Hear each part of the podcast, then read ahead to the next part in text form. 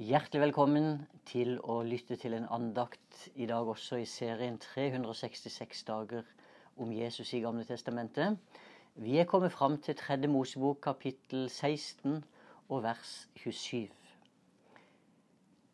Når blodet er båret inn i helligdommen til soning, skal syndofferoksen og syndofferbukken føres utenfor leiren, og skinnet og kjøttet og mageinnholdet skal brennes opp. Dagens tittel er 'Han døde for dem som er utenfor'. Ordet 'utenfor' det fikk en helt spesiell betydning gjennom Jesus og det som skjedde rundt ham. Hele Jesu liv det viser at han hadde en spesiell plan for de som er utenfor. Og allerede ved fødselen hans så ble dette tydelig. Da Josef og Maria kom til Betlehem, og de trengte et sted der Maria skulle føde, så var det jo ikke plass til dem noe sted. Og de måtte faktisk finne en plass utenfor byen. Og det vi ser for oss som en koselig stall, det var jo egentlig ei grotte i fjellet. Det var oppholdsstedet for dyrene. De menneskene som først oppsøkte Jesus også, etter at han var født, det var heller ikke de som vi normalt ville forventa skulle komme til ham. I dag ville vi til og med blitt litt overraska om den type mennesker skulle komme inn i kirkene våre. Gjeterne f.eks. de tilhørte ei gruppe som mange frykta, og de hadde ikke noe godt rykte på seg. Noen ganger så opptrådte de til og med som røverbander og overfalt mennesker som var på reise gjennom ødemarka der de holdt til.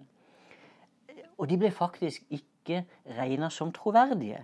Og en gjeter kunne bl.a. ikke brukes som vitne i en rettssak.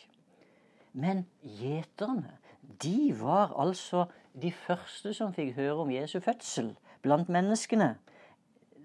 Og da englene fylte Betlehemsmarkene der, eller himmelen, så var det jo de som fikk se det. Vismennene som vi hører også, som kom eh, en stund seinere til Jesus etter han var født, eh, det kan godt ha vært astrologer, eller, eller, noen som drev med det vi kaller for trolldom i dag.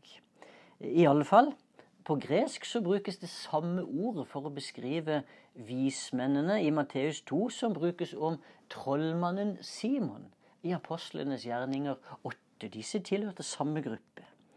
Ved å åpenbare seg for disse så viste altså Gud at han ville ha tak i de som var på utsiden. Og, og, helt fra starten av Jesu liv så gjorde altså Gud det klart Jesus var en frelser for hele verden, også for de som var utafor. Om vi ser på Jesu tjeneste, så er det jo også tydelig at han virka på utsida. En ypperste prest. Og Jesus var en ypperste prest. Eh, han virka normalt og hadde sin tjeneste i tempelet.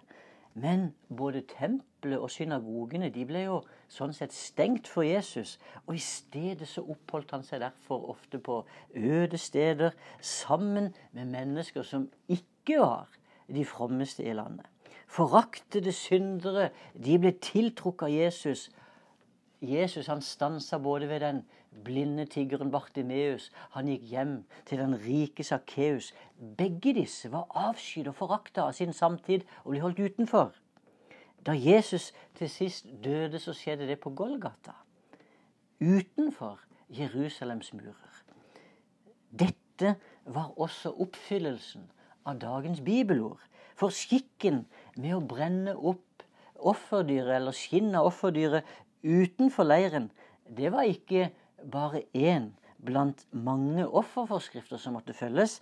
I Nytestamentet så er det åpenbart at denne praksisen først og fremst pekte på Kristus og hans tjeneste, sånn som også det er gjengitt i Hebreerne kapittel 13.